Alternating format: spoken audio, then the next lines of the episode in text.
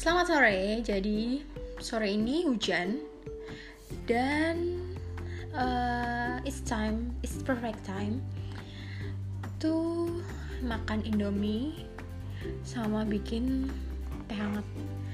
Jadi uh, pengen ngomongin nggak ngomongin sih pengen review siapa tahu ada yang mau nonton film juga karena hobiku adalah menonton film dan kebanyakan film-film horor film-film yang thriller yang sadis-sadis gitu nah itu aku tuh suka. Terus selama seminggu ini aku nonton film apa dan ini rekomen. Jadi yang pertama ada Run 2020 oh ya disclaimer uh, silakan mencari film-film ini di Netflix uh, atau di Disney mungkin ya. Gak sih di Disney kok ono sih. Kalau misalnya nggak ada di Netflix bisa tanya ke aku kalau ada yang mendengarkan. Nanti bakal tak kasih link buat nonton itu filmnya. Jadi yang pertama Daran 2020 nilainya 8 dari 10 genrenya itu thriller, horror, misteri. Jadi film ini tuh aku taunya dari tiktok ceritanya ada seorang ibu-ibu yang punya anak dan anaknya tuh cacat. Dan si ibunya tuh uh, protektif banget sama anaknya gara-gara anaknya tuh cacat. Dia tuh jadi ibu yang baik. Dia juga gara-gara anaknya uh, lumpuh kan ya ceritanya di sini. Si ibunya ini tuh sampai kadang kerja di rumah kerja dari rumah buat jagain si anaknya. Kalau nggak salah kalau nggak salah si ibunya ini tuh kerjanya sebagai dosen atau pengajar gitu setauku seingatku. Nah terus suatu saat si anaknya ini ini tuh uh, oh ya di ceritanya tuh dia punya ruam gitu di punggung sama di kulitnya. Terus dia harus minum banyak obat setiap hari rutin nggak boleh nggak. Dan ibunya tuh udah nyiapin obat-obatnya itu. Suatu hari uh, si dokternya itu mengubah resepnya dan si anak yang cacat itu dapat satu kapsul baru yang warnanya tuh hijau. Nah si anak anaknya itu kan pinter ya walaupun dia di rumah dia itu uh, belajar juga di rumah dan dia itu berusaha memasuki uh, salah satu universitas top. Terus habis itu dia tuh penasaran curious gitu. Sama si kapsulnya itu uh, apa sih komposisi obatnya tuh? Ini obatnya buat apa? Kok kok aku tuh tiba-tiba diganti gitu loh obatnya. Nah terus habis itu dia oh ya uh, gara-gara curious itu dia ngelihat tempat obatnya yang buat naruh obat si ijo itu. Dan itu tuh tertulis nama ibunya. Terus dia tuh kan kaget kan loh kok nama ibunya? Kan yang harusnya kan namanya dia kan. Karena dia tuh yang sakit. Apalagi itu resep tanpa eh itu apalagi itu resep uh, apa apalagi itu tuh resep harus salah. Apalagi itu tuh obat yang harus pakai resep dokter. Jadi dokter gak sembarangan kan ngasih obat itu. Nah terus tempatnya itu tuh kayak tempat obat tetes mata gitu. Jadi bundar tabung gitu. Nah terus si sama si anaknya tuh dikelintek tulisannya itu. Ternyata di bawahnya itu ada tulisan lain gitu loh. Aku lupa tulisan lainnya tuh apa. Yang jelas e, ibunya ini tuh bohong sama si anaknya itu. Terus anaknya kan kayak mulai bertanya-tanya kan ibuku tuh kenapa ya? Terus dia tuh googling googling uh, tentang obatnya itu. Dan ternyata uh, wifi di rumahnya tuh dimatiin sama si ibunya ini. FYI si anaknya ini tuh nggak punya handphone jadi dia tuh nggak bisa nge-search sembarangan gitu loh. Jadi dia tuh cuman bisa lewat laptop. Gitu terus habis itu si ibunya tuh udah tahu kalau anaknya itu bukan nge-search. Jadi pokoknya ceritanya ini tuh seru banget. Dan punya happy ending sih menurutku. Maksudku kan biasanya cerita-cerita kayak gini tuh ada salah satu yang mati atau kayak gimana. Tapi atau apa ya? Ya kok apa sih? Pokoknya lihat aja endingnya. Pokoknya deg-degan banget ini tuh nonton ini. Karena rasain banget gitu loh jadi anaknya yang lumpuh dan dia nggak bisa jalan dan dia harus terseok-seok. Dan ceritanya tuh slow banget gitu loh. E, cara sutradaranya menyampaikan itu pelan-pelan banget jadi kita tuh pasti bisa ngerti. Selanjutnya ada The Princess Switch. Ini ada yang satu ada yang dua. Aku udah nonton yang satu tuh ya udah lama yang dua tuh baru keluar. Oh ya ini ada di Disney Princess. Eh ada di Disney Princess ada di Disney di app Disney. Ini nilainya yang pertama itu 8 dari 10 yang kedua itu 7 dari 10 jadi ceritanya ini tuh ada dua cewek yang mirip banget mirip banget kayak kembar tapi bukan. Yang satunya itu adalah princess yang satunya tuh seorang pembuat kue. Dan ceritanya si princessnya ini tuh bakal dinobatin jadi ratu tapi dia tuh kayak uh, bosen gitu loh dengan kehidupan kerajaan. Tapi dia tuh mau dia mau jadi ratu tapi cuman dia tuh belum dapet feelnya aja jadi seorang ratu. Dia tuh pengen ngerasain jadi rakyat biasa akhirnya mereka itu bertukar bertukar tempat. Dan si uh, si princessnya ini tuh jatuh cinta sama pembuat kue cowok yang temennya si kembar tadi. Nah gara-gara bertukar tempat itu ada seorang pangeran juga nih yang sebenarnya itu dijodohin sama si putrinya itu tapi malah jatuh cinta sama si pembuat kuenya itu. Kan mereka kan bertukar tempat gitu loh. Jadi kayak kembar dan nggak realize kalau ternyata mereka itu orang yang beda. Jadi uh, pada akhirnya di Princess Switch uh, pertama itu tuh si uh, prince-nya itu tuh jatuh cinta sama si pembuat kue. Terus si princess-nya itu jatuh cinta juga sama si pembuat kue tapi temennya yang sing yang kembar tadi. Terus yang kedua yang switch kedua switch again itu tuh tambah lagi. Jadi ada kembaran satu lagi tapi tetap beda bapak beda ibu. Tapi dia itu saudaranya si princessnya ini. Dan dia tuh kayak iri gitu loh sama saudaranya ini. Jadi dia itu pengen merebut tahtanya si perempuan ini. Kayak gitu. Bagus sih ceritanya tuh uh, Christmas banget. Ini kan uh, menjelang Christmas kan. Pasti juga banyak orang-orang yang suka nonton uh, film-film yang bertemakan Natal. Karena kayak warmy banget gitu nggak sih? Ada salju ada pohon Natal ada hiasan-hiasan kayak gitu. Wajib ditonton Selanjutnya ada The Call 2020. Ini film Korea.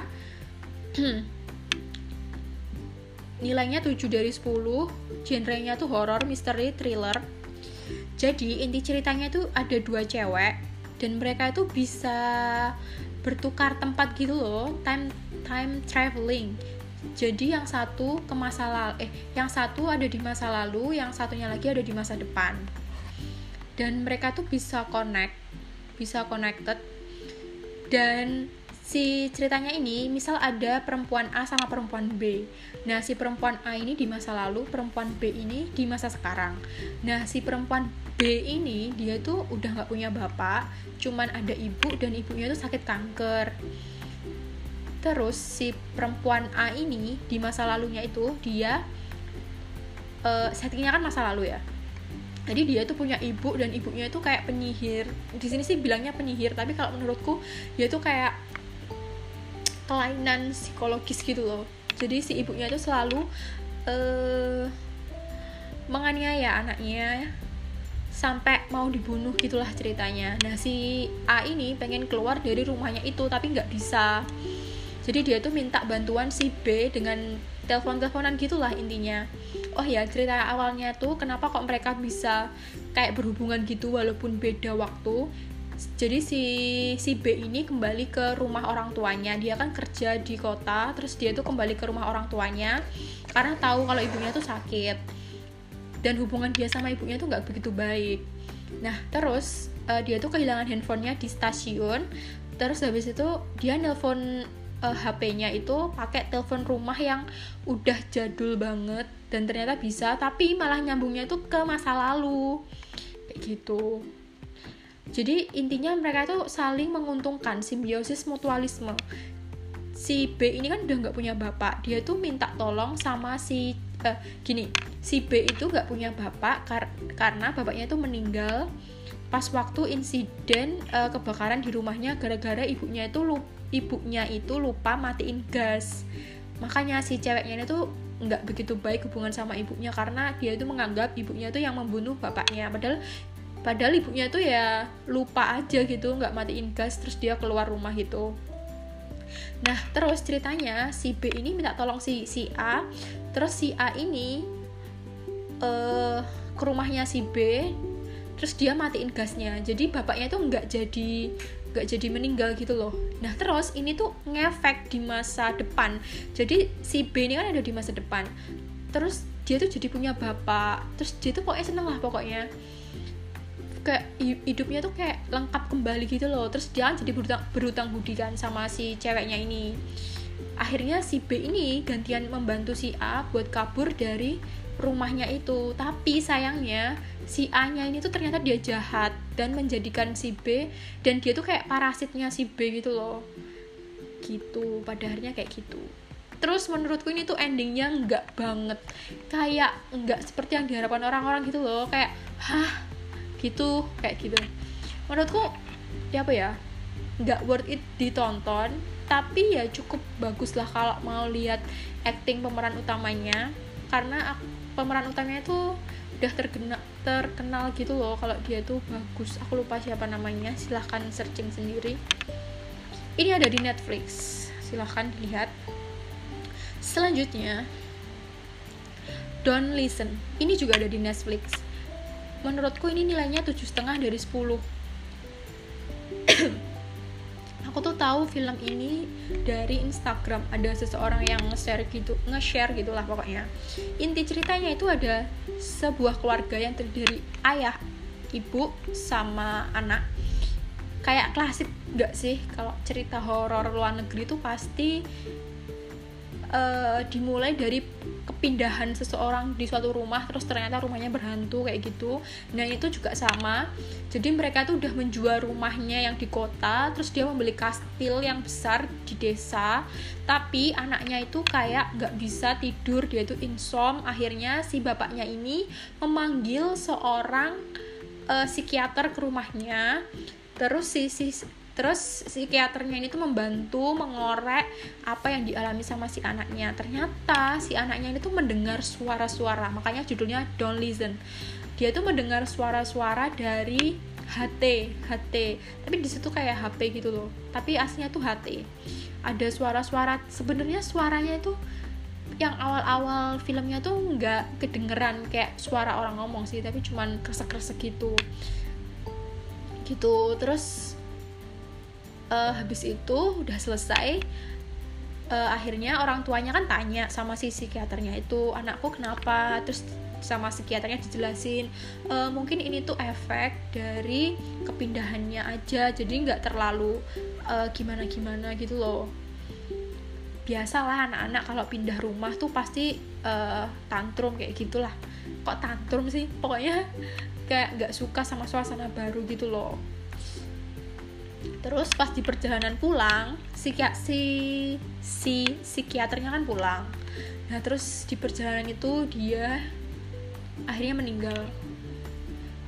Ternyata usut punya usut rumahnya itu rumahnya yang baru pindah itu ternyata bekas dari pembantaian zaman dulu kala 400 tahun yang lalu kalau nggak salah. Jadi orang zaman dulu tuh kalau menghukum, menghukum orang itu tuh kayak di rumah terus diadili gitu loh di situ. Nah ada salah satu penyihir yang diadili gara-gara aku lupa kesalahannya apa pokoknya dia itu salah banget dan gara-gara itu dia tuh mendapat hukuman uh, dengan dipotong lidahnya. Terus kalau dipotong lidahnya kan kita nggak bisa ngomong kayak gitu. Terus ternyata dia tuh dikurung di bawah rumah. Jadi di bawah rumahnya itu ada basement yang nggak pernah dibuka. Ternyata isinya tuh mayit mayit cewek yang dikurung. Nah mereka itu yang uh, akhirnya menghantui rumah itu. Make sense gak sih? Kayak dia nggak bisa ngomong terus uh, dia mengganggu penghuni rumah dengan memberikan suara-suara. Dan itu cuman bisa dibasmi ketika kamu membakar mayatnya. Soalnya kan mayatnya masih ada. Nah dia itu dibantu oleh seorang eh, bapak-bapak yang meneliti tentang suara-suara. Kayak gitu. Um, endingnya endingnya biasa aja sih menurutku. Ya apa ya? Film ini tuh menyeramkan tapi nggak sebagus film-film kayak Annabelle kayak gitu tapi cukup membuat kaget sih. Kalau menurutku yang paling rekomend itu yang Run 2020 itu RUN silahkan ditonton bagus. And for your information mungkin ada yang mau melihat. Aku sekarang lagi nonton drama ongoing. Ada live on ini tuh bukan drama tapi series. Uh, dia itu ceritanya anak SMA tapi emang agak nggak nyambung gitu loh ceritanya tuh kayak dicepet-cepetin karena kan cuma 8 episode. Jadi mungkin ada yang mau nonton. Dia itu sekarang udah episode lupa. Udah episode 3 kalau nggak salah. Oh 4 udah episode 4 dan dia itu keluar setiap uh, seminggu sekali. Terus ada lagi selanjutnya ada True Beauty. Ini tuh uh, dari webtoonnya Secret of Angel. Ceritanya tuh biasa banget menurutku tapi pemainnya lumayan lah lumayan bagus kalau menurutku pemainnya. Jadi kalau aku nonton tuh tak cepet-cepetin. Dia tuh nggak berat sih. Silahkan ditonton juga. Selanjutnya yang baru banget hari ini ada Mr. Queen baru episode 1 keluar hari ini hari eh harusnya tuh kemarin hari Sabtu sama Minggu kan. Tapi kalau di Indonesia baru ada di Minggu sama Senin. Kalau nonton drama tuh lebih baik nonton di Telegram aja yang gratis. Nah kalau yang Mr. Queen ini aku juga belum selesai nontonnya tapi kayaknya tuh bagus kayaknya. Ini tuh kayak Moon, Love, Moon Lovers ceritanya. Jadi ada seorang koki terus kokinya itu uh, ada masalah gitulah pokoknya. Akhirnya uh, suatu hari di apartemennya dia didatengin sama polisi terus dia mau kabur.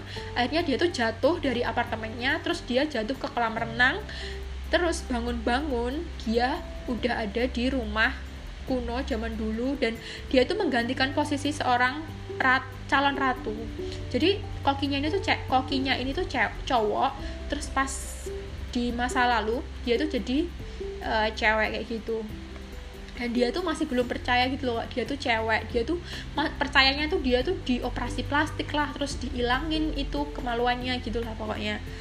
Dan lucu ini tuh kayaknya dramanya lucu deh. Soalnya dia tuh kan tanya kan kok aku bisa sampai kayak gini tuh gimana? Terus diceritain kan sama dayang-dayangnya itu kalau si ceweknya ceweknya ini tuh sebelum uh, akhirnya siuman dia tuh uh, nyemplung ke danau gitu loh. Terus bangun-bangun udah kayak gitu.